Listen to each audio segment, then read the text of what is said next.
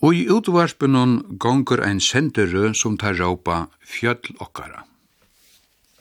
Her tåsa i mevor om snæfellsjökul. Han sikst gøyma så mengt løntarfullt uisær. Ætrottar megin er så sterk, at fer etter fer hever han drije falk tilsyn, og lødde seg her a styrna og hel. Og trølslet er kring jökulen alla stæni uibygd. Og allsins verur af fer i nottarmyskrunum og i mjørskanum. Som avur nevnt hava uslendingar alltid haft til røstne at irskja til møtes. Annar irskjer tvertar fyrstu reglunar og i ørende vi fyra reglun. Og hin skal ta leggja botn ui vi bavun tam sætnu reglunum og sjølvande såleis, er ta røyma vi boar ter fyrstu, bæju i stavrøyme og endarøyme.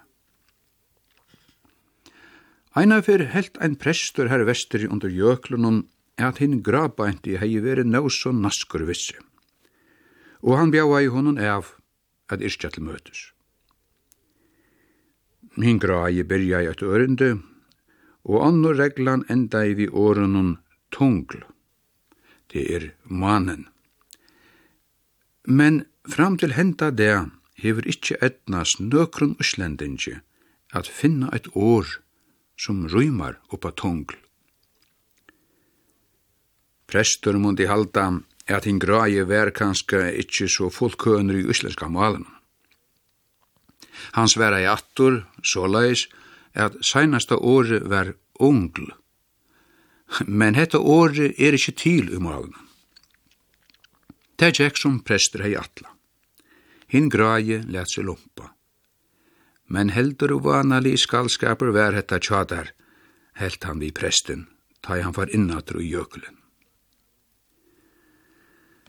Utvarsmæveren visste jeg sia fra øren prest i her vestere, og i vær så ytla fire, at ein dagen han skulle hava altargeng vær kyrkjovin oppe. Han kørte ta brennevån i kærlekken i stegin.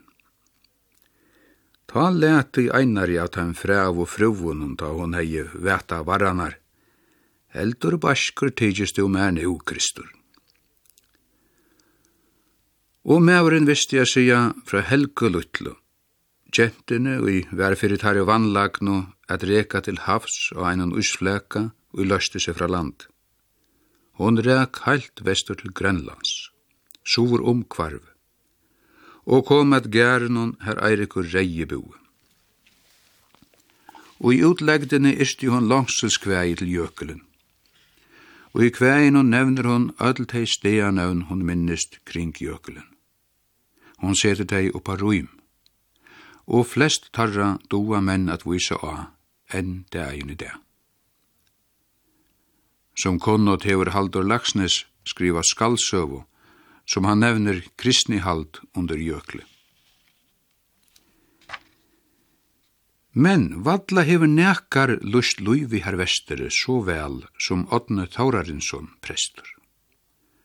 Alme og Luivi og alt som hekk oppi ui tui, skjønlet og avskjønlet, fætelet og avfætelit. Odne var prestur av Snæfalsnese, Fra 1806 til han leie fra seg vegna aldur og 1934. Og evesøva hansara som kom upp av prent og i tveimund digrun bindun, man vera neka fyrir se. Ikki best og i uslenskun bókmentun, men i bókmentun yfir høver.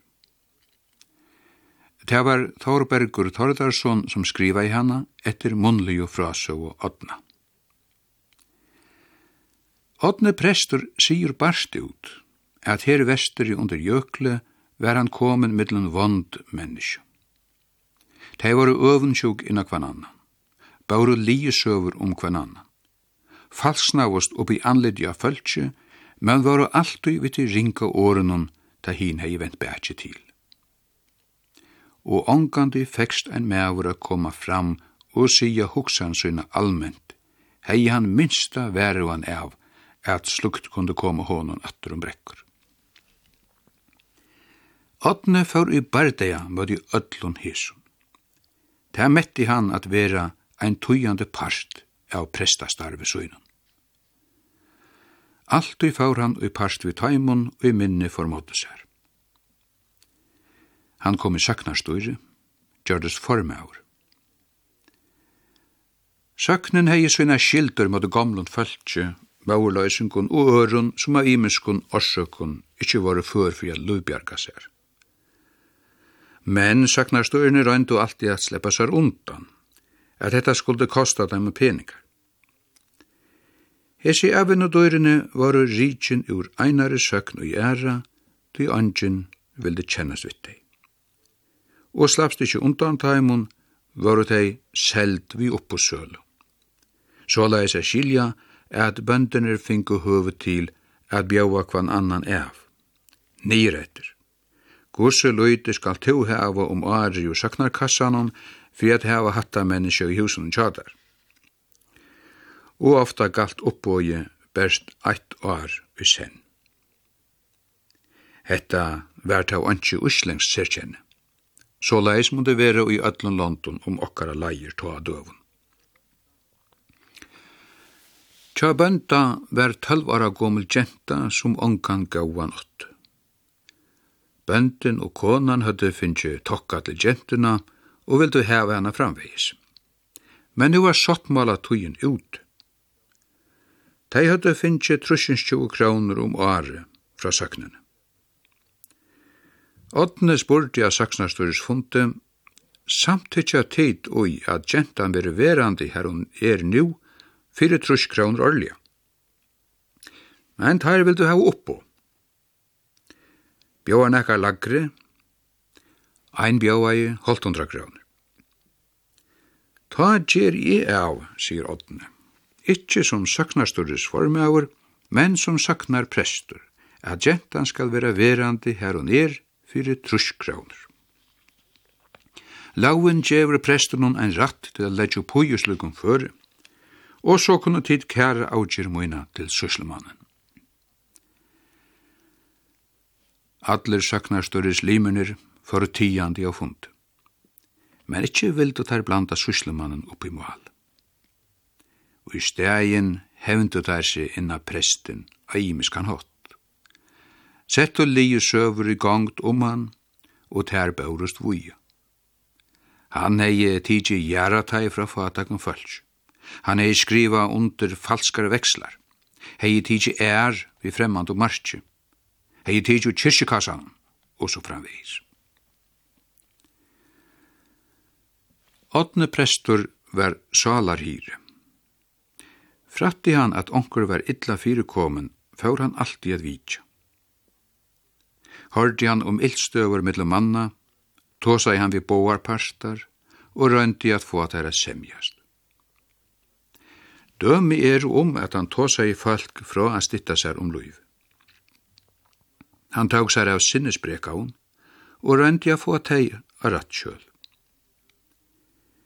Det tidsist som at i andlare framkoma hansara hefur veri ein duldur mottur.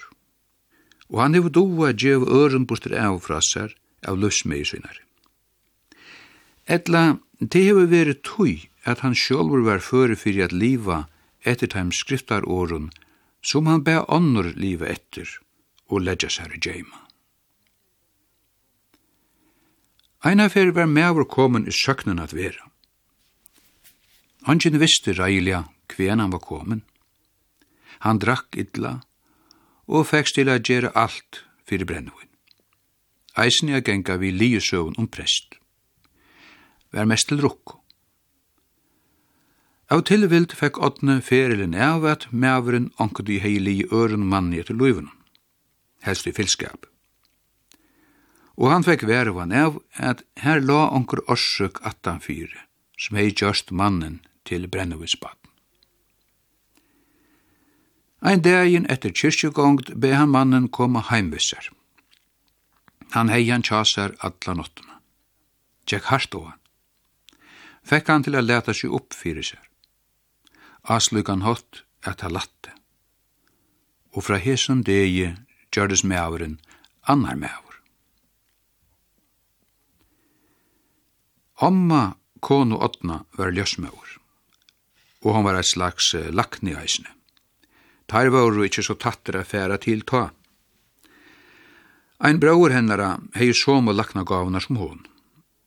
Men fyrst og fremst hei hon og flere av skilfolkun hennara hei Ter gavarnar at hei så inn i tann heimen som er duldur fyrir tann flestu.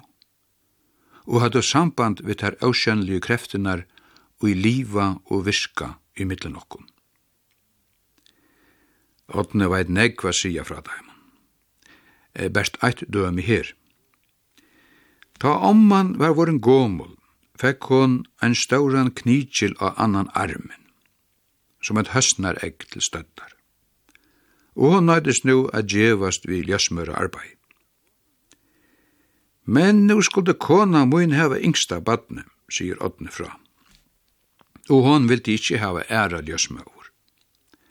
Tølvbøden hei hun ått framanonda. Om man jotta hei. Ta stunden var komin, før hon fyrir seg sjálvan. Jeg sa tøyelige brøyting og henne ta hon kom attur akkurst var komið iver henne. Hon vann verksvitt som en ung kona. Og nu sa jeg vi egnon eion at knigelen var horven av armen.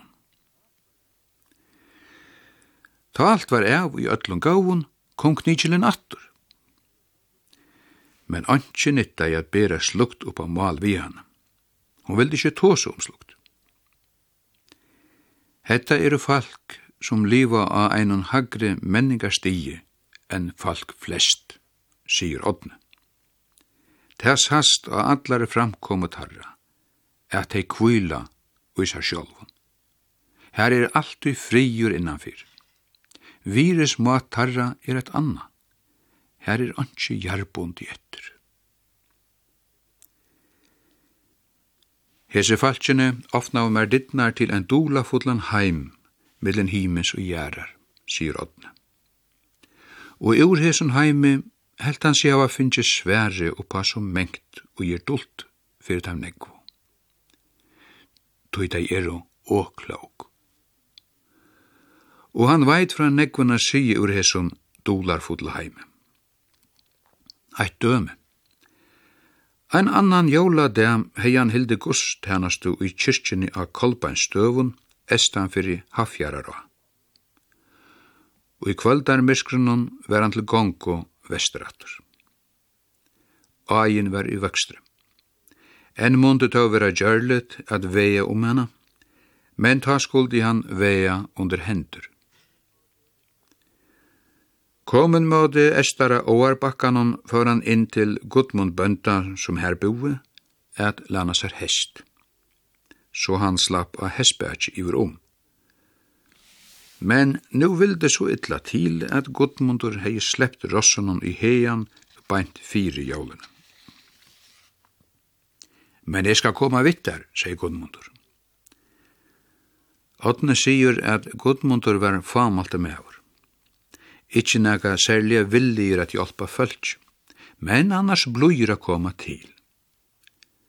Han var meður, og i alltid segi satt og som ongandu tjekk fra tui han hei sagt. Tær fór. Klokkan vær om åtta eller nudj, svarsta myskur, men logn og ikkje frost. Tær genga etter sandunum og de estara oarbakkanum. Hvet er hetta, sier Odne, ta han helt at tær høyde ginge no lunch, kjemur ein ikkje. Gudmundur takt. Otne merste at han stæi annan foten i en hil, men hiljar var og ankjer i Aftur Attor spyr han Gudmund, nær kjemur ein?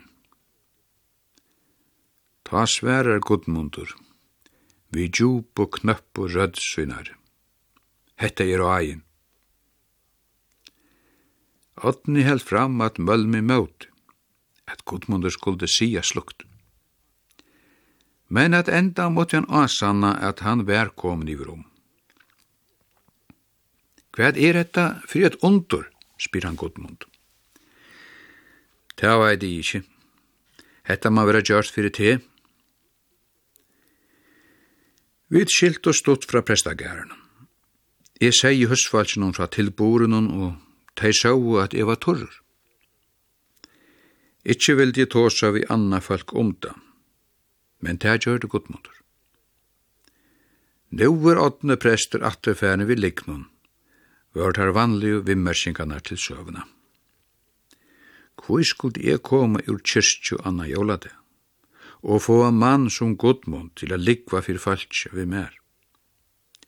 Han var ikkje mever til at velja sær til slukt.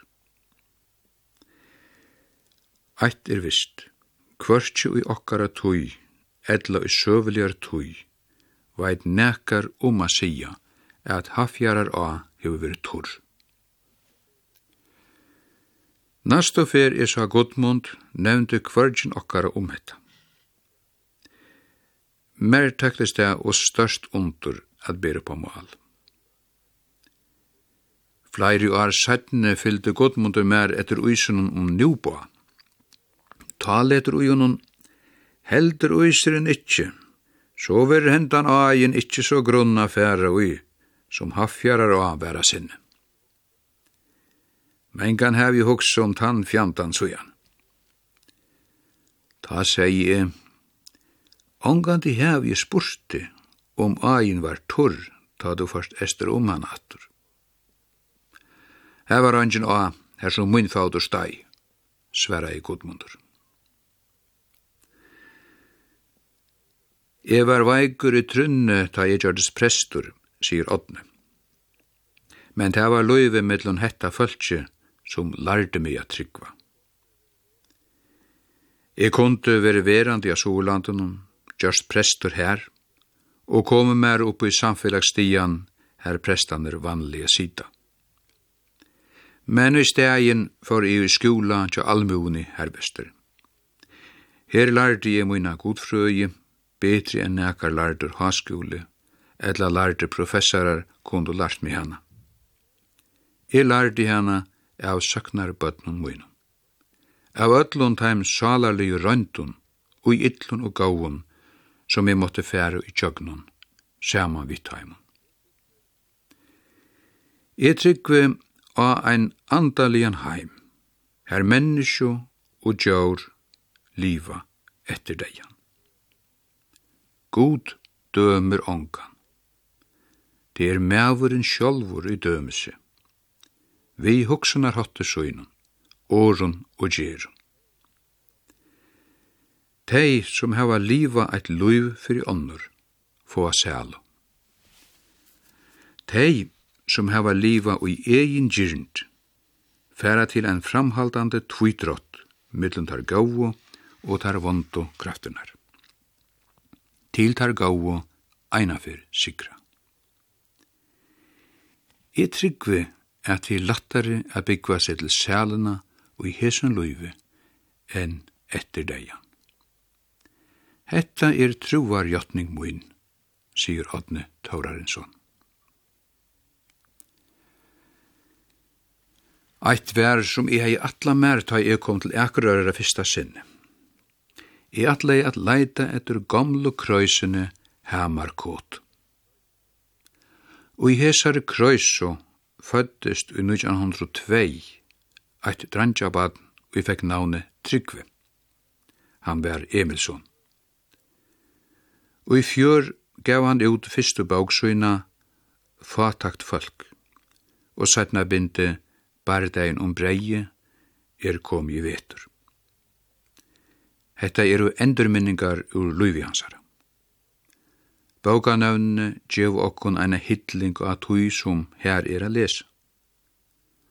Sætnu árinni hefur Tryggve starvast som skrivari og i arbeidarafelanon Dagsbrun og i Reykjavík. stegga steggaði einan eldri manni av götene og spurti hann hver er fann hamarkot. Hann hugdi at mer vi eion fullun av livsvisdómi. Om um, jeg hei lise baugina sa tryggva. Prate var stått.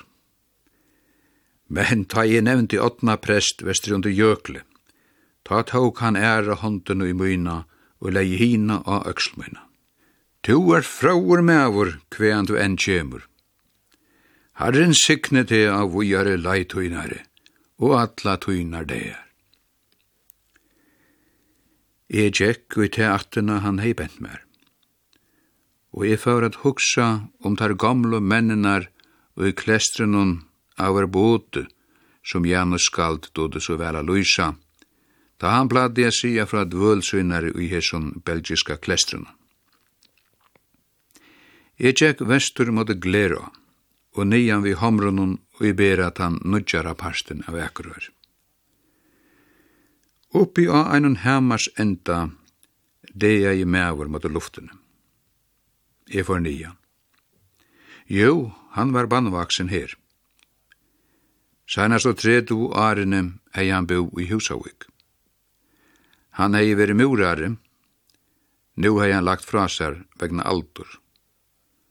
Og han var komin attur at leita etter tøy som livdi og i badna minnunum. Han hei kjent bæg Tryggva og papan Emil. Emil var en sera gløgge med å seg han. Han hei danskan papan, men papen tjekk bortur vi middelanda skipe aren Emil var føttur. Og han viste mer av hver hamarkot hei ver. Nutja tøyen hei såpa til alt bortur. Best hamranir standa etter. Her er i trygg vi liva fyrst og seks årene. Jeg sa ter stauru hellunar, her de seks siskjene hadde sina rattur og gyringar av smasteina. Hodden, ledger og skjeljar voru segjiner, rossene og neitene. Og jeg myndist atur at han degin da han var dotten i onna. Men grateren tagna i ta han narskais krøysene og og så eina standstølp og sita og sinja tekjene. Fer etter fer var standstølpan om at detta fram etter ramon, men ikkje dattun. Mamma er sagt at vi skulle lusta vel etter tegn fuglunum som du har sinja, og røyna at lære okkun lei. Og medan i standi og lusti, kjemur mamma. Hon let mig ur. Vaska i mer og da jeg var kommet under døgnene, sank hun fire mer til i sovnei. Mamma hei så godt sinnale, ångandi herlig. Fekk okkur godt bortur ur öllun, og såleis lærte hun okkun at løyve fær meira vire ta stunduna løya og i glede og vitt i gaua åren. Men ta han var seks år, døye mamman, Veturin fire leiest papen vi lungasjúk. Ta heste fingu tei tudju lomp undan åtta eum. Men lompene voru vesett til kjeppmannen fyrir skuld fra varenon og sumarenon. Og nu får handelsmæru vi nudju av lompene. Mamma fekk av avrøyen. Tei bær hon av øyrene og sovur i hamarkot. Som ur haunene nian av boane sa geng. Tudju er og ein kikv, flekka, som skulde kolva etter jól. Det var ognen. Papen røndi at binda vøtter, sjukur i sannsina. Og tar var avræter til handelsmannen fyrir vörur så kvørst. Men åtta munnar at metta, og skulden vaks i handlunum.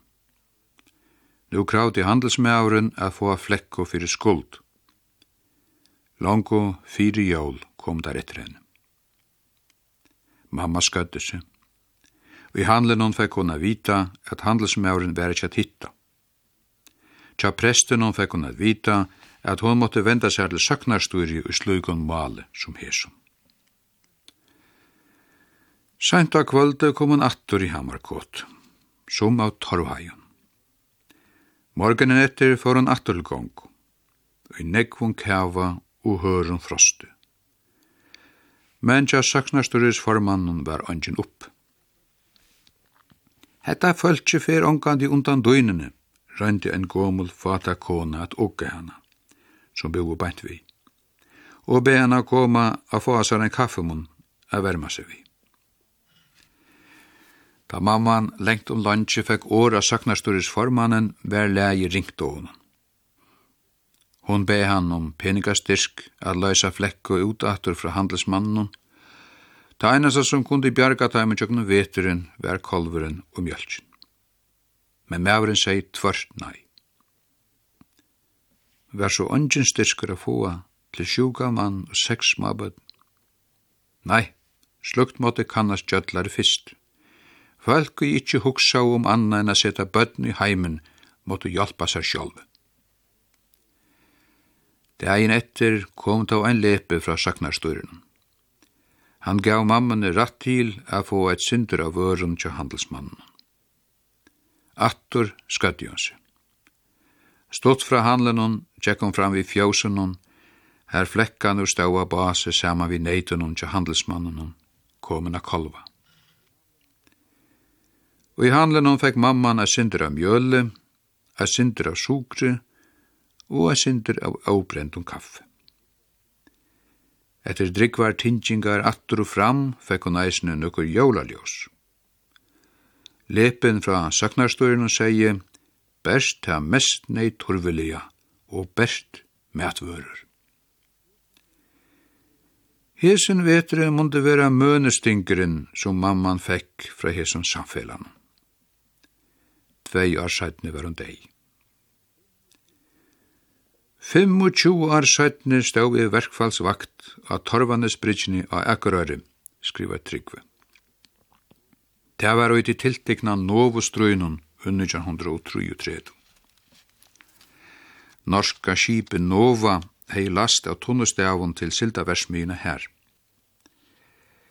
Hetta er at det seta tunnuna saman heima, og i stein fyrir at flyta tær littnar ur Norge, skulle vera eit tiltak at bøta om ta staura vinnuløys. Men bøyraie var oppi ui tiltakene. Og tæri stola og verksmini i kravunon om eina olmose løn fyrir hetta olmose arbeid, vel nian fyrir galdande lønarlista.